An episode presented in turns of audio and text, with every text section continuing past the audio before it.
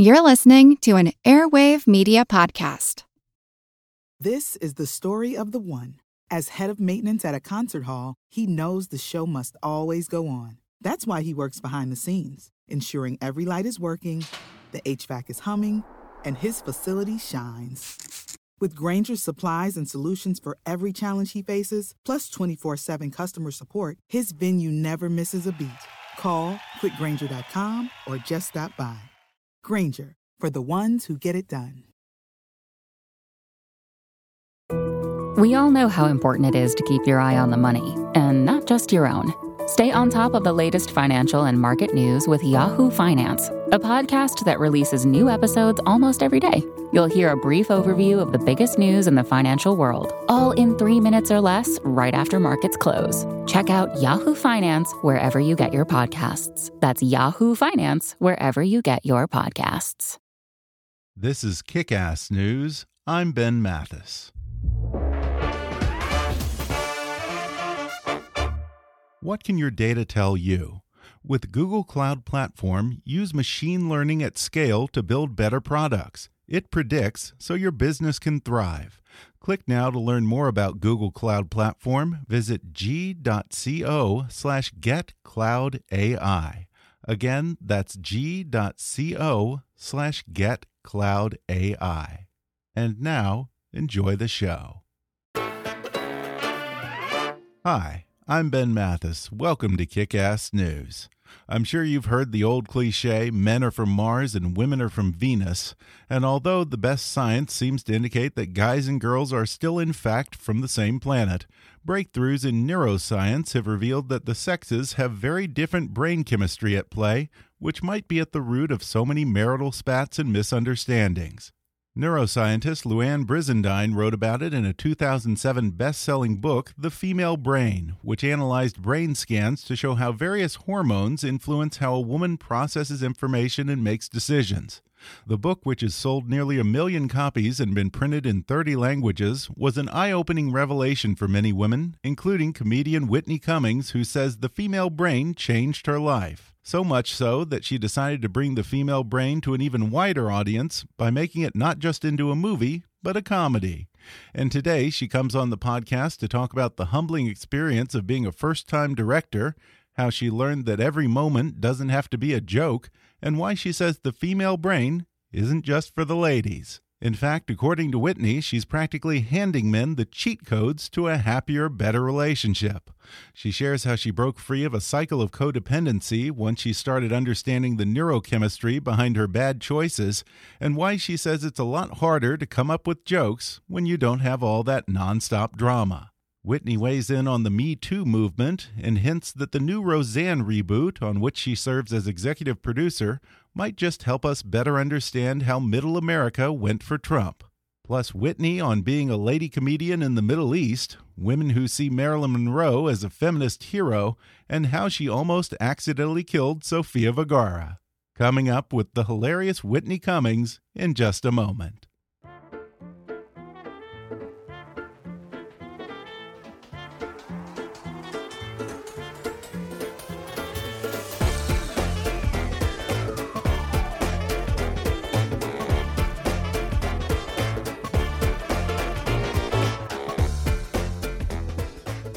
I've got the hilarious Whitney Cummings in studio today. She just wrote, directed, and starred in a new movie called The Female Brain, which opens in theaters February 9th.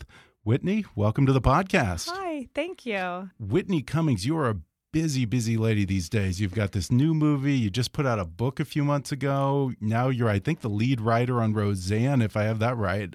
I'm not the How- lead. No, no. I'm, Oh. I'm Okay. executive producing it, which Okay. maybe seems like a, a very fancy title, but no, there's so many amazing. It, every writer on it is a is a lead Okay. writer, but but uh, I definitely get CC'd on more emails than some of them. Yeah. it's kind of the only difference.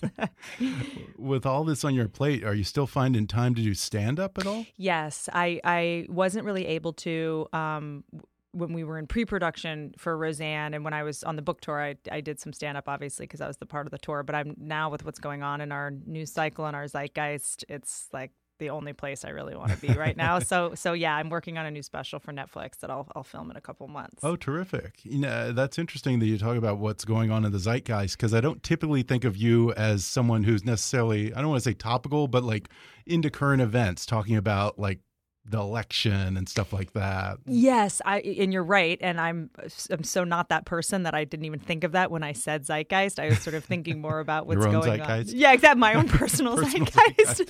when you get famous enough, you get your own personal zeitgeist. That's amazing. Um, they're expensive. Yeah. Uh, but um, so so I I'm thinking sort of more in I guess the uh, area that I'm fascinated by at the moment, and that I think we're all sort of um living in is just sort of with the Me Too movement Mm-hmm. and uh, with Time's Up and and sort of the tectonic plates that are sort of shifting um, before our very eyes in terms of people listening to women and that sort of thing. Yeah, I wonder as you go around promoting this movie these days, are you getting asked about hashtag Me Too and that whole movement a lot in interviews? I don't. I mean, there. I I think that you know I haven't done a ton of press yet, so um, we'll see if you do. Um, maybe this is a tricky way of Yeah. asking. Um, you know, I think the most interesting part is when you make an independent movie, um, and then you get lucky enough to get a distributor. And I got an amazing, you know, just to to do this movie. The IFC is just so cool because I'm such Yeah. a fan of the titles that they choose in doing an independent movie. And you know, this was a very down and dirty, gritty movie. Like we used my dogs.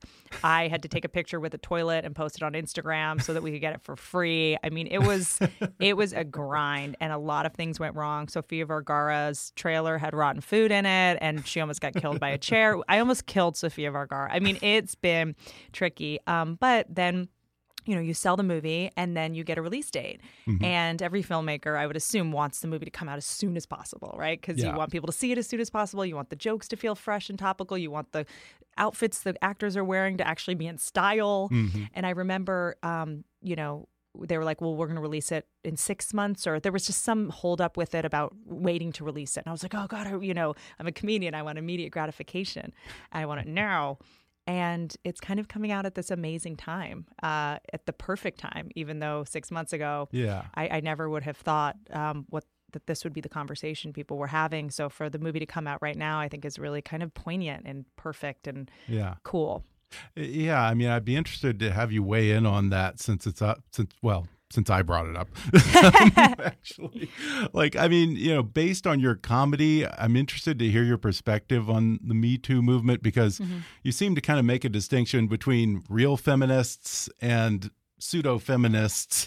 Oh, you know, the people I- who worship Marilyn Monroe and that kind of thing. Oh right, you've heard, yes, I So- did talk about that on on a show. No, I mean it's more. I think like you know, I just think it's important that that maybe people understand that like not all women are the same and not all men are the same. You mm-hmm. know, so this whole thing of like all men are bad. That's not. What Yeah. we're, that's certainly not what I'm saying. You know, I think that the bar for men is actually high because there's a lot of really great ones. So when one's certain ones do gross things we're like what are you doing why you know and i think the same goes with women i'm hearing a lot of people go like women are just you know capitalizing on this thing or they're they're it's mccarthyism whatever the complaints from the other side are i'm like but not all women are the same so to generalize about half the population is a little crazy so i think that when one man does something wrong, we can't assume all men are like that. And when one Yeah. woman does, we can't, you know. So I think, you know, I, I was just sort of joking about Marilyn Monroe, and you know, I love Marilyn Monroe. I'm a big fan, but she's. I was joking that I, she's turned into some like feminist icon who's constantly in my Instagram feed as this. I, I, memes. I, I'm. I love Marilyn Monroe. I'm very pro woman, but like I think we have. What about Ronda Rousey or Oprah? Or like Yeah. you know, I just feel like she's not in my top twenty. um, Yeah. You know, and so I just I think that um, it, it's a really exciting time because there's so many amazing female role models, and. I'm I'm always sort of obsessed with um, role models and, and who kids can look up to, and uh, you know, I I think. Uh, there's But- some amazing ones right now. But I mean, Gloria Steinem or like Yeah. Madeleine Albright are probably better role models for a woman than Marilyn Monroe. I don't think Marilyn Monroe wanted to be. I think she Right. we've unfairly cast Yeah. her as this sort of That's true. uh, you know feminist icon. I think she was like I was just you know like the quotes that I was joking about where she's like make a man wait for 2 hours. It's like that's not that's an asshole. Sorry, I don't know if I'm allowed to curse on Yeah, this. yeah, go for it. That's not like I don't support that, you Yeah, know. That's Um, nothing to aspire to. Make yeah, making men wait is rude and it's not something to aspire to. So I think it's just important Yeah. that, you know, equality also means women, you know, and I call my friends out and they call me out where I'm like, no, you can't do that. That's hypocritical. You know, it, we have to be able to have a sense of humor about it and check each other sometimes too. Yeah, I mean the one that really gets me is I always see this one pop up on my Facebook feed, the the quote or the meme that says if a man can't handle me at my worst, then he doesn't deserve me at my best. First of all, like what is her worst was pretty damn bad. Yeah. and like what's her best? Like a day when like some married man finally returns her call and she doesn't puke on herself. Totally. That's don't totally understand. like, and yeah, she was apparent allegedly. I hope that her estate doesn't sue me, but yeah, she was like, you know, you know, she. I think she was up against a lot and had a rough childhood, and I'm I I have lots of compassion for her. But yes, I think this we we and look at me generalizing. I just try to not conflate entitlement and empowerment. And I think being mean to men is not Yeah. what we're going for. I think the idea is just equality and fairness, not superiority and uh, you know punitive action and making men wait. I don't think that's kind of feminism I'm trying to be a part of. Before we went on mic, I know that you were saying that you're getting ready to do a new stand up special. What I've heard of the Marilyn bit and you just kind of extemporaneously going off, Yeah. Does that make it into it? I Have- think it fleshed might. out into a bit by now? It's making me super uncomfortable to talk about, which means I have to make it a bit. But I think that's where the a Yeah. good bit usually comes from. You're like, "Ah, I don't know if this is going to piss people off, or I need, you know. So I, that's usually when I get excited about something, or I think there's enough meat there to make a yeah. a bit about it. And like you going, yeah, this is on my Facebook feed. That means it's It- people get it. They I think people Yeah, get it. understand what you're talking about. yeah, about. and um, Yeah.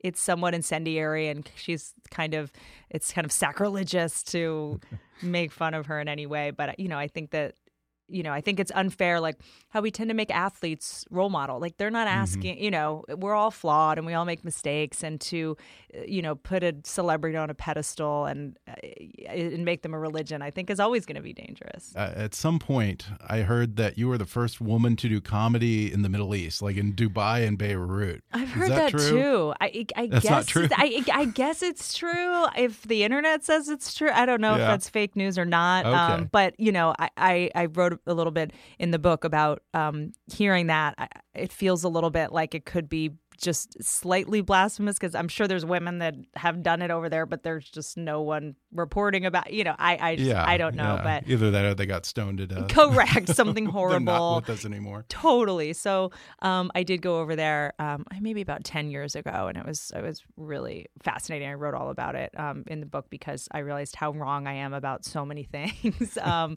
and you know, going to a, a world that's very different than yours, you realize all of your egos and your preconceived notions and your judgments and your self righteousness and all that. So it was it was very fascinating. And you talk a lot in your act about how you used to struggle with codependency and had Mm-hmm. all these crazy stories about these losers that you used to date. But then you saw a therapist and worked on yourself, and now you're in a good place and working on this film and the book and everything. There's this stereotype that comedians have to be addicts or some kind of a hot mess to be funny. Yeah. So I wonder, from your perspective, is it harder for you as a comic when you have your act together and you don't have this steady stream of drama to draw on for new material? That's an amazing, amazing question, and I I, I worry about this every day. Um, you know, I said to a friend of mine recently, I was like, "But what if it's like if I get." You know, if I'm too together mentally, like uh, maybe I won't be funny anymore if I get too sane. And he's like, "You don't have to worry about that. Um, you're you have plenty of crazy in you, you know." But yeah, I do think that the um, sometimes the most interesting work comes from our pain and our mistakes and our vulnerabilities and um, our bad decisions. And I think that our flaws are what make characters interesting. That's what makes for great story and great tension. And um, you know, I, I I definitely have no plans for making fewer mistakes moving forward. um, that's kind of a part of life. Um, you know, but yes, I, I think that that might be every comic's fear of like if I get sober, if I get healthy, if I get Yeah. into a good relationship, I won't be funny anymore. Um, but I think for me, it's it's thankfully been the opposite of I have because I'm not in dramatic situations anymore or painful situations, at least not on purpose. I have a lot more energy Mm-hmm. to write and perform and um, you know, everyone's like, "How did you do all this this year?" I'm like, "I think I just had time because I wasn't in a bad relationship. Um, it frees up your schedule." I mean, do you even feel the need to do stand up? Because I mean, there's that idea that like stand up is some kind of a salve or some kind of a way to vent Great. all of your problems that you're dealing with. Do you maybe feel like now you've got your shit together, so I don't need to go out in front of an audience? It's an amazing, amazing question. Um, you know, I think for me stand I, I think that it's i almost need it more now because Really? but I, I but i know that that is the case for a lot of comedians you see them get happy and comfortable or they get money and then all of a sudden they're not doing stand up anymore because the wound is not there that needs Yeah. to be healed but for me i think working in network television and doing a movie especially where you have so little control of what's going on i mean it's like the Yeah. weather people get sick they get late i mean it's like the the thing it's so out of your hands um, so much that i think after making a movie and feeling like a controlled train wreck um, I love doing stand up because it's the you can. hmm There's no one saying cut. There's no one saying you're running out of money. There's Yeah. no one saying You this actor's immediate reward. Totally. Yeah. And then you know where you stand and you know what the truth is. So especially in trying to figure out, you know, all this stuff about what's going on with the news and am I right? Am I wrong? Am I, you know, is this sexist? Is that wrong? What's right? Going Yeah. on stage and just talking to the audience and taking their temperature and feeling the pulse of their reaction cuz we're so wrapped up in message boards and at replies like just feeling the energy of real human beings in real time that's where the truth is you know there's no fake news there's no manipulations there's Yeah. no photoshop there's no instagram filters it's just human beings connecting to each other um, and figuring out what it means to be human and that is such a i feel like i need that more than ever now And, and I feel like I noticed some bits that make it into this movie. There's stuff that I've seen in your stand up Oh, that cool. kind of in some incarnation make it in the movie. So if people like your stand up, they're bound to love this movie. Or Neil were there a Brennan's lot of stand-up. ca- yeah. because we wrote it together and a lot of his stuff is in there too so Yeah. it's sort of both sides of that Were there a lot of cases of your your material, the things that you joke about, like Crocs and stuff like that, making it into the movie? That's so interesting. You know, I think as a comedian, like when you've seen roomfuls of people laugh because of a joke, you the temptation is to go, okay, this works. Yeah. I should put this in this movie, or I should put this in this tweet, or this book, or whatever. So, yeah, I mean, certainly um, when you're on set and you're trying to figure a scene out and it's not working, or it's not something's wrong with it, I definitely have an arsenal to pull from that's Mm-hmm. like this worked a hundred times. I have a feeling it's going to work the hundred and first time in this movie. Yeah. So you have some sort of reliable um, go tos. Yeah, but I imagine it can also be a double edged sword because as a comedian turned writer director, is it hard to control that impulse to just make everything a joke and just steamroll over the heartfelt moments with lots of big laughs in a Great, great, amazing, amazing question. And I just sort of learned this, um, or was able to apply this lesson that I did learn on Roseanne. Because Roseanne was a show that had, it was an incredibly funny show, but not every line was a joke. Right. and the amount of restraint that you use on that um, on that show is fascinating. And i try to use the same in movies of like you don't want every line to be a joke because that's not how people talk especially couples that are in pain and hurting and mad at each other. They're not like coming in with hot zingers at each other. So you know I, i'm very proud that a lot of the movie is inherently funny situations mm-hmm. instead of unfunny situations where actors are saying jokes to each other like on a you know sitcom. So i really ended up going in post you know neil and i went in and we took out a lot of jokes oh, yeah. in post. Yeah because it was like there was the actors did such an amazing job. I mean that's what's fascinating about doing a movie and you write the script and you're so happy with it and then the actor comes in and acts it so well that you realize like the look he just gave makes these next two lines unnecessary or mm-hmm. redundant. So you end up just like cutting if you get good enough actors you cut a ton of stuff you know like james Yeah. marsden came in and it was like his eyes were saying everything. So we just the dialogue just felt um extra. It, it felt um gilding the lily almost in a lot of his scenes or um the blake griffin and cecily strong some of the funniest stuff was just them looking at each other and you know those moments where you are trying to anticipate what the other person's going to say and you're fighting with your forehead you know like these moments where you're like oh god don't ruin it with dialogue. You know so i think when you get an, an amazing cast it's you end up having to cut a lot of jokes Well, you described the female brain as a neurology comedy. Mm-hmm. For those not familiar with the genre, it's not a genre no no neurology there's no other movies in that genre maybe like magic school bus Maybe there will be. i hope you're a so pioneer. I mean, I it's interesting. Like I remember I read the book and and it's such a big effect on me. And then I'm asking all my, I'm like telling everyone, I'm like, you got to read this book, The Female Brain. You got to read this book. And everyone's like, we've read it. And I'm like, this is like, uh, I'm the last to know. And then I realize how successful the book is. And I'm like, oh, this should be made into a movie because every successful book gets a movie, right? The Gone Girl, Girl Yeah. on a Train, da da. But when it comes to nonfiction, nobody thinks to do it, I guess, or, you Well, know, maybe especially non-narrative nonfiction. but if it's been proven Yeah. to be popular and people are buying it, they're obviously interested. There's got to be some kind of interest Yeah. there. And I think that a lot of people, you know, in Hollywood operate from like audiences are dumb. I do I think the opposite. I think audiences are smart. TED Talks are getting 40, 50 million views. People want um, to edify themselves and they want to learn. And so I was just trying to figure out a way to, you know, make it informative and smart and funny and educational, but still super entertaining. I mean, that's pretty challenging probably for a first-time director. Yeah, I would have thought that you would have found a spec script or something or adapted Totally. a novel. I- it- made it, it- easy on yourself. It, I think that if you care about something enough, you can push it across the finish line. And the key is with a movie, because you're, I mean, we spent almost four years from beginning to end on this, Wow. and um, God knows how many more years are going to come, if, you know, um, after. But um, the sequel, the male brain, or uh, we were joking the other day. Now we have to make the female body. Um, but you know, you have to love it because there are times where you really want to give up. There were times where I wanted to give up. There were, I mean, the Rain Machine has two speeds. Did you know that? On, I didn't know that. Uh, okay, off and tsunami are the two speeds of it. No one told me that, and it ruined a whole take. And there's just days that you're just like want to give up, and it seems like it's too hard. And Sofia Vergara almost dies in a chair, and you're like, I'm killing one of the biggest TV stars on the planet. Um, but if you love something enough, and if you're this sounds so cliche, but if you're passionate enough about getting it out there, you Yeah. can survive it. Because independent filmmaking, I, I mean, I watched Oh yeah, Lost you in La Mancha. You it's have to.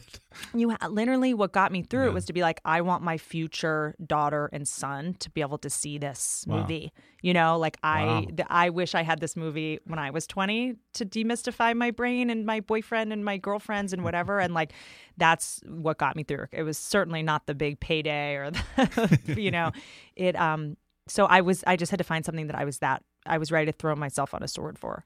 We're going to take a quick break, and then I'll be back with more with Whitney Cummings when we come back in just a minute.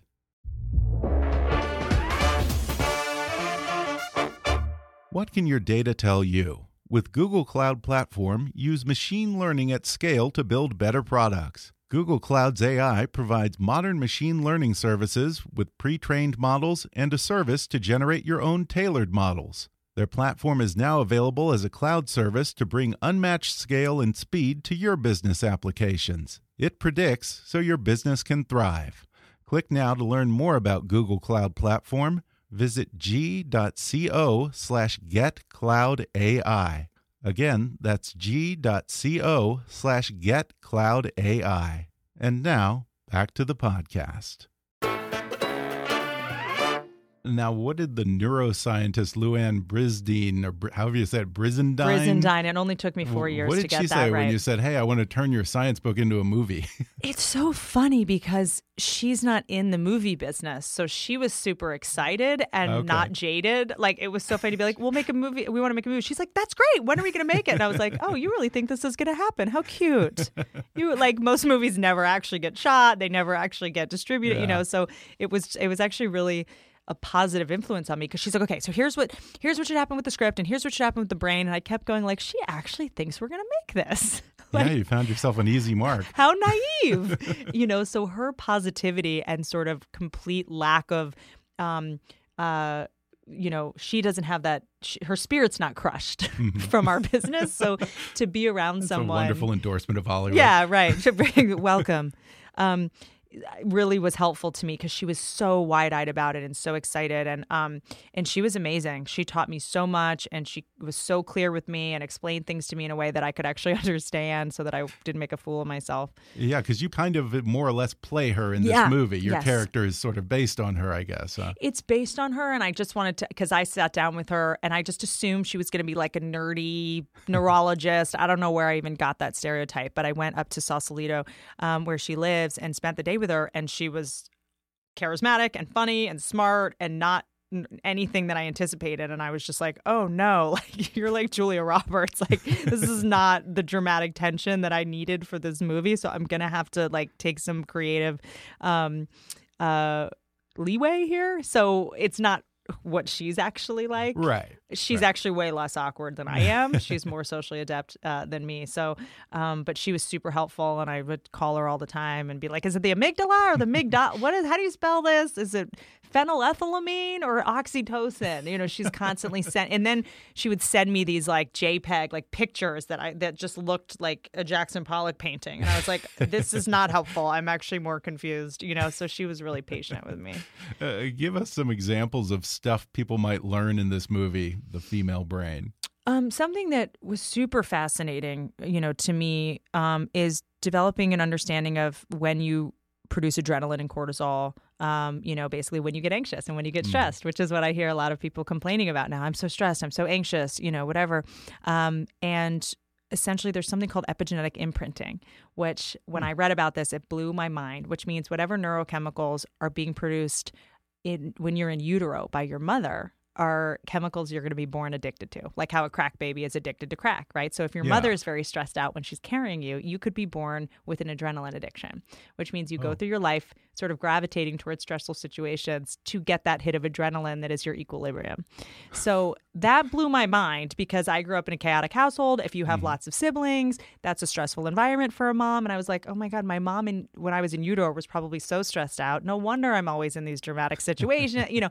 And um, so that was really fascinating to me. And then I learned that you can actually lower your tolerance for adrenaline so that you stop craving it, stop getting, because adrenaline turns into dopamine. So Interesting. that's also fascinating because we get stressed, stressed, stressed, stressed, and then you actually produce dopamine after you actually feel good. So, on some level, we're sort of addicted to stress. It's the same Yeah. neurochemistry as cocaine or smoking weed or anything. Because my narrative was like, I hate stress, but I secretly kind of loved it. so that was um, an interesting thing to get into. I wondered why, when I was in writers' rooms or, um, you know, in, in work environments with lots of people how it, I had a harder time saying no and I had a harder time disagreeing with people. And there's all this amazing research about how women and this is not a men versus women woman movie because it's very much about nature versus nurture and women can have traditionally feminine qualities men can have traditionally you know um, females can have traditionally masculine qualities like there's no it's all stereotypes and it's all social constructs. But females um, tend to avoid conflict because when we lived in tribes 2000 years ago if you're pregnant and vulnerable you need everybody to like you and protect you basically. So when you're in a group your instinct is kind of like to create harmony but Uh-huh. that's a reptilian brain instinct that worked 2000 years ago. We don't need it today because we aren't living among lions and we aren't naked pregnant on a you know in the desert we have you know, alarm systems and we have you know uh, police officers or whatever. So that was really interesting to me and it's it's kind of like liberated me um and helped me to fast forward from primordial times and be like oh i can disagree with this person and this i'm not going to get eaten by a tiger if i do that you know and it just helped me to put in perspective it's like everything that drives you nuts about your boyfriend or girlfriend or husband or wife today probably would have saved your life 2000 years ago. Yeah, yeah. So we're just running around the, with this sort of old um, neural wiring that is meant for survival that we just kind of don't need anymore and if you get to if you learn about it you can kind of dismantle and deactivate a lot of it But still, even if you know these things about your brain, even if you know your brain's going to try and make me do this, you can't override the brain. The brain's still in charge. So, like, how do you actually put that into practice in real life? That's a great point. Um, yes, that's the daily struggle. You know, I did, there are some really interesting facts of like, you know, the 28 days, it takes 28 days to make a new neural pathway. Right. So, like, it, the same way if you're quitting smoking or you're quitting alcohol or quitting Yeah. sugar or whatever, there's going to be a chemical, you know, there's going to be an aftermath for like, so, but I'm like, I'm trying to lower my uh, tolerance for adrenaline. So, I Mm-hmm. literally had to do like 28 days, no adrenaline. Like, I tried to, like, you know, I wasn't Really? working You on anything. avoided drama? Avoided, I tried. How It- do you do It was not easy. Um, but I worked really hard to like not take stressful phone calls. Like I told everyone Okay. in my life, like I'm taking a little break. You know, like I really had to treat it the same way I would qu- treat quitting a chemical addiction of a pill or you know anything, and just weaning yourself off it so that your tolerance is lower. You know, I So quit how did that like work when I quit when you decided to direct a movie then? Yeah, then I relapsed and was completely off the grid and I was in fight or flight mode. okay. um, for about two years. Um, so it happened actually kind of, I tried to do it before the movie and then I had to do it a little bit after the movie. But that's kind of what like meditation is in Uh-huh. Okay. you're Are building you new neural paths. I try Yeah. to do twice a day. I don't always make it 20 minutes. Really? I'm Twice a trying. day. even if it's 10 minutes, even if it's just closing your eyes and, you know, going crazy, you know, that's still um, that brain rest thing is is a big deal. I think Mm-hmm. for us, and I think should be like mandatory and um, in like teachings in schools and stuff. The fact that no, we're not taught to take care of our brains in any way, Yeah. you know. And you're taught to stretch, you're taught to shower, you're taught to brush your teeth, but no one's teaching us how to care for the most important organ in our bodies. Yeah. Um, and so I, I do that because you know I learned that you build new neural pathways between your amygdala and I guess your hippocampus when you Hmm. meditate. It builds those the ability to calm yourself down. Yeah, I had Dan Harris who has this new Love book about meditation. Yeah. He came in the other week, and so he's kind of been keeping on me to stick with it as much. Do you as, think as there'll hard be a as it is. day where, like, we look back now and we're like, can you believe people used to like smoke on airplanes? Like, we look back, we're like, can you believe there used to be like children worked in factories?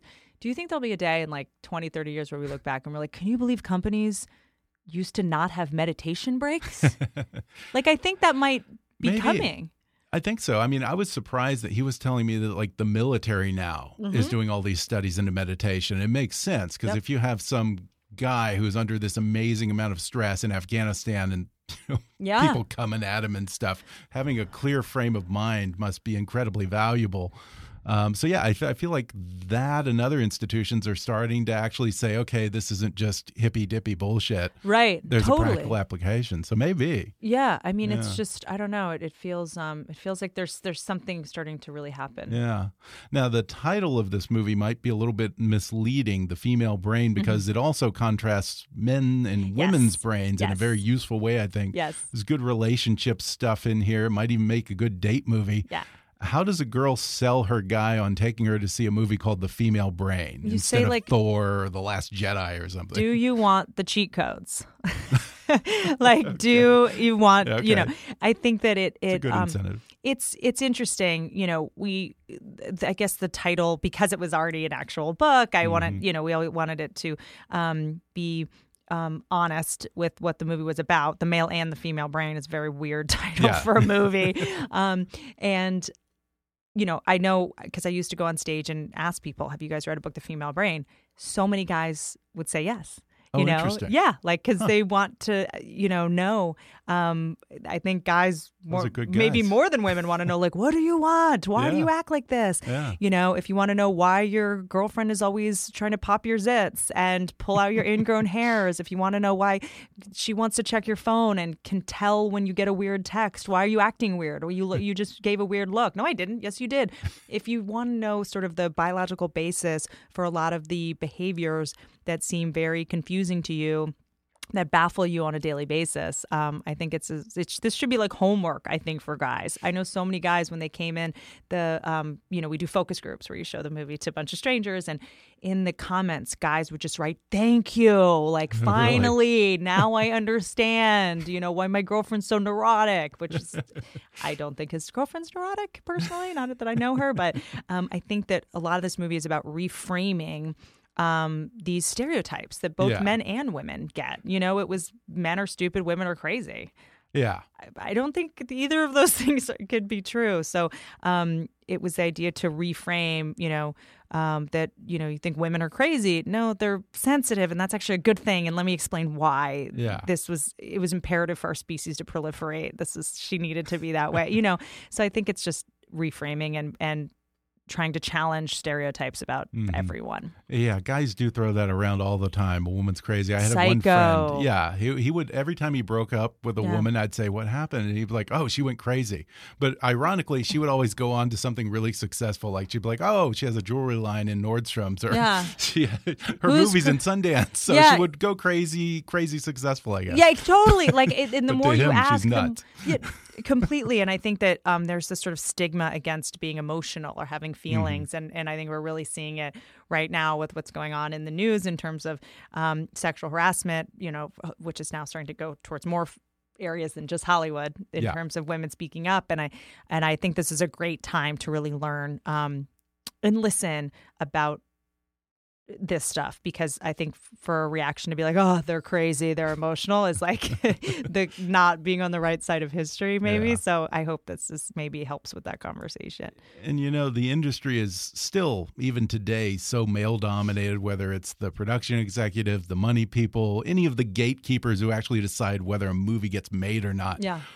What was it like for you to go into these boys' clubs and try to pitch them a movie titled The Female Brain? it's glad you asked that. I didn't even um, think to do that because it Oh, seemed really? so far fetched. I met um, there was one financer um, I was going to do it with who was a guy who had tested the title and said the title tested so well. He was just like a money guy and he just was math, you No know. And I think he understood. I remember him saying like women buy eighty percent of products in America. You know, like we should make movies to, for women. He was just Mm-hmm. purely business, and that fell through. And then the next person I met with was a female financer and producer, and she was like, "Let's do this." And so uh, we made it happen. So I'm grateful that there was a, a woman who who did um, support me. Now, as a director, do you have any particular influences or favorites? Oh wow, that's a great question. Um, yes, I have so many. I have so many. I'm. Yeah. This is such a weird. um, this is I've I, I really like a lot of dramatic directors. I love Darren Okay. Aronofsky. Oh, I yeah. love Paul Thomas Anderson. I love precision and I think comedy is about being so specific. Like I there's so many comedy directors I love, but I, I watched a lot of drama as a as a kid, weirdly, and the timing of it is so. pre- Stanley Kubrick, it's like Mm-hmm. every frame was picked so specifically, and everything was there for the right reason, or some or a reason to confuse you, or you know. So I'm uh I'm obsessed with directors like David Fincher and the way that he works. I don't work like that at all. um, but just they, I feel like ga- give other directors permission to be really meticulous and anal um, about the technical side. I, I'm really anal about the technical stuff, but then when it comes to the actors' performances, I'm like, do play and do what you want. I got really Okay. good advice That's from. smart. That's how Hitchcock operated. Really? It was Grace Kelly or someone was just torn up that he wouldn't give her any direction, so she thought he hated him. And he said, you know, basically, if you're doing something wrong, that's when I'll talk to you. I'll let you know. That's Yeah. fascinating. I had a, a director do that once too, um, and I was like, "Why don't? Why aren't you saying I'm doing a good job?" And he was like, "I'm saying let's move on to the next shot, which means you did a good job. Yeah. You know, like I'm not your dad. I cannot give you all the compliments that you needed as a child." Um, but yeah, so I think that you know Jason Bateman actually gave me very good advice. He said. Um, just cast the right people. Mhm. Just cast the best people you can find. You know, casting is one of the biggest jobs a director has. And um, I was very, very lucky and about getting amazing actors. And when Oh, you have yeah. amazing actors, the key is to just get out of their way and protect them from any fires that are starting or drama. So that's really what I tried to do. Mm-hmm. Yeah, the cast is great. You have Sofia Vergara, James Marsden, uh, Blake Griffin. I know. I didn't know he's acting now. He's- Who else? so funny. It's it's Yeah, actually yeah. frustrating and annoying. Um, Cecily Strong uh, from. Right, Saturday Night right, Live, right. who and it's and I, I really like to and you know I'm not the first person to think of this. I really like to cast people in kind of surprising parts and see them do something they haven't done. So Sofia Vergara is doing a lot of dramatic work in the movie. Mm-hmm. Um, uh, Blake Griffin is doing comedy. Cecily Strong is doing drama. Like it's kind of an interesting. I think I think you guys will be very surprised. Um, uh, uh, Deon Cole is doing drama. He's a he's a comedian. So um, and Toby Kebbell, who does drama, is doing. Mm-hmm. Right. Co- he's his Oh, first yeah. time doing comedy. You've seen him play Yeah, like b- b- apes in action movies, and like he's always playing like a superhero or some amazing drama. His work in Black Mirror was amazing, and he's really really he's like Tom Hanks in the movie. So it's cool. What was the biggest lesson that you learned through trial and error on this movie? Oh God, um, so so many lessons. Um, I feel like I'm traumatizing you. I am. I'm you like having. there. Yeah, I'm having. fun. I've learned so many lessons. Um, I mean, oh gosh, I don't want to embarrass myself too much, but um, uh, make sh- so many things. um, clean out the trailers before the famous actresses get there. Get the rotten food out. Um, check the stability of the chairs. Um, Sofia sat. I, I saw this chair and it was broken, and I saw it for like two weeks, and I was like, someone should do something about that chair. Someone should really do something about that chair. And then I just uh, two weeks later, Sofia just fell through a chair. I'm like, the chair. I should have moved that chair.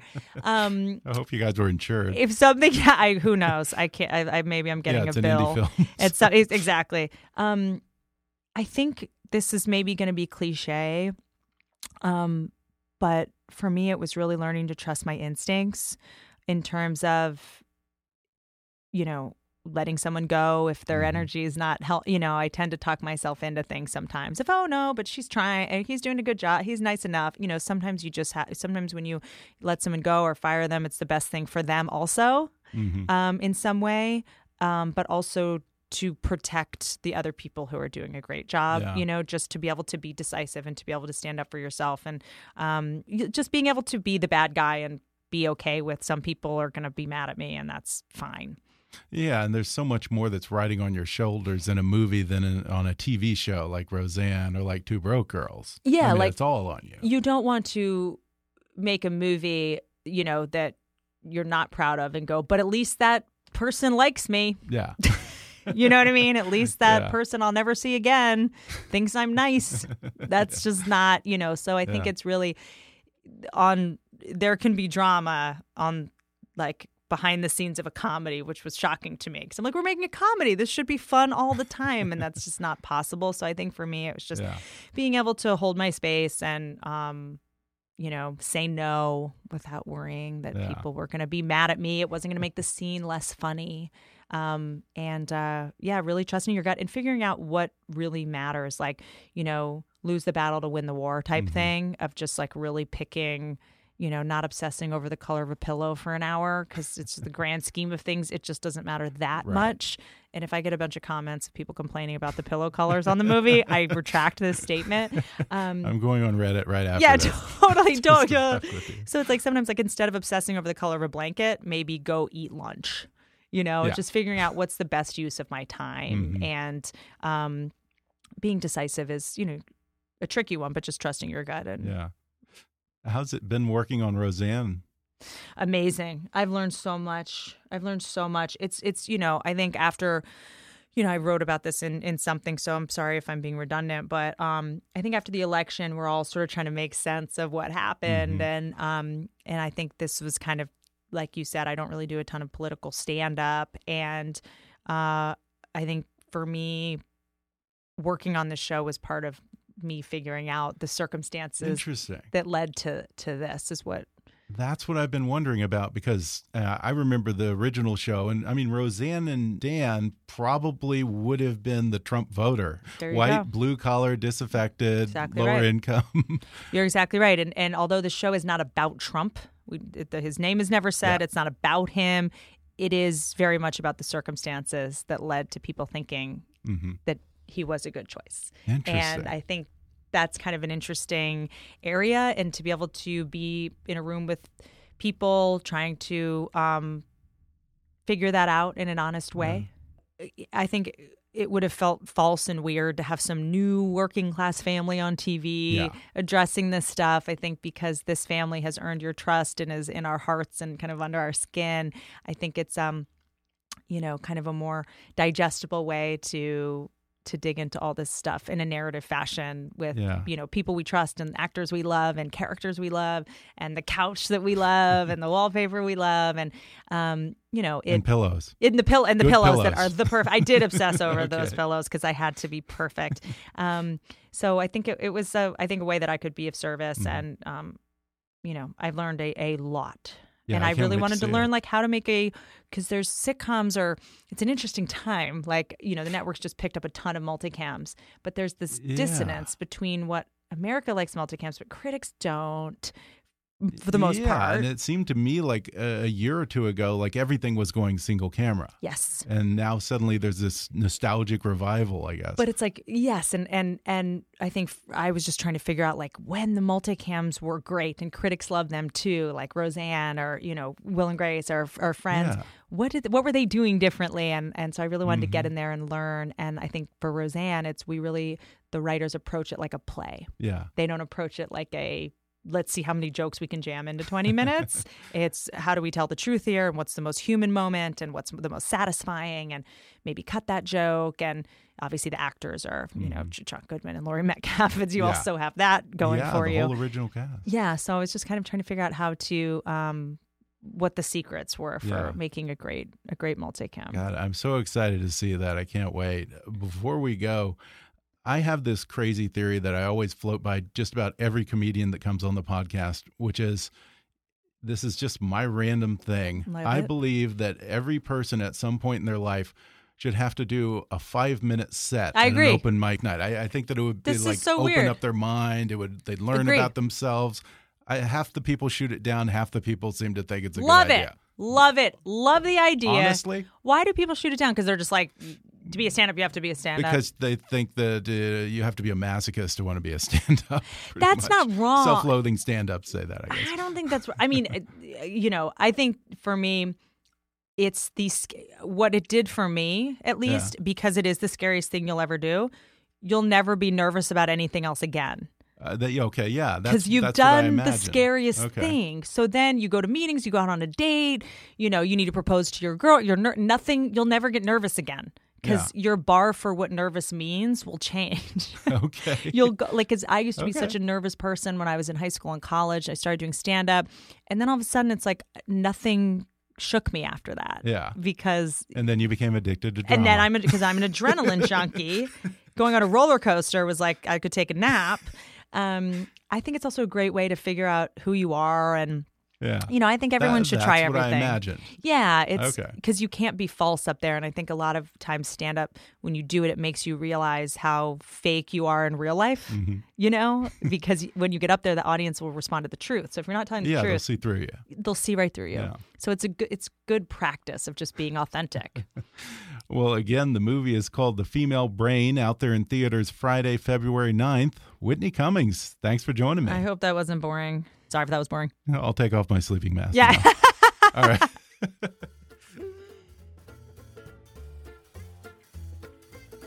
Thanks again to Whitney Cummings for coming on the show. The Female Brain opens in theaters tomorrow, Friday, February 9th. For more information, visit ifcfilms.com. Order Whitney's very funny book, I'm Fine and Other Lies, on Amazon, and you can keep up with her at whitneycummings.com or on Twitter at, at Whitney Cummings. If you haven't already, be sure to subscribe to Kickass News on iTunes and leave us a review. You can follow us on Facebook or on Twitter at, at KickassNewsPod. And as always, I welcome your comments, questions, and ideas at comments at kickassnews.com. I'm Ben Mathis, and thanks for listening to Kickass News.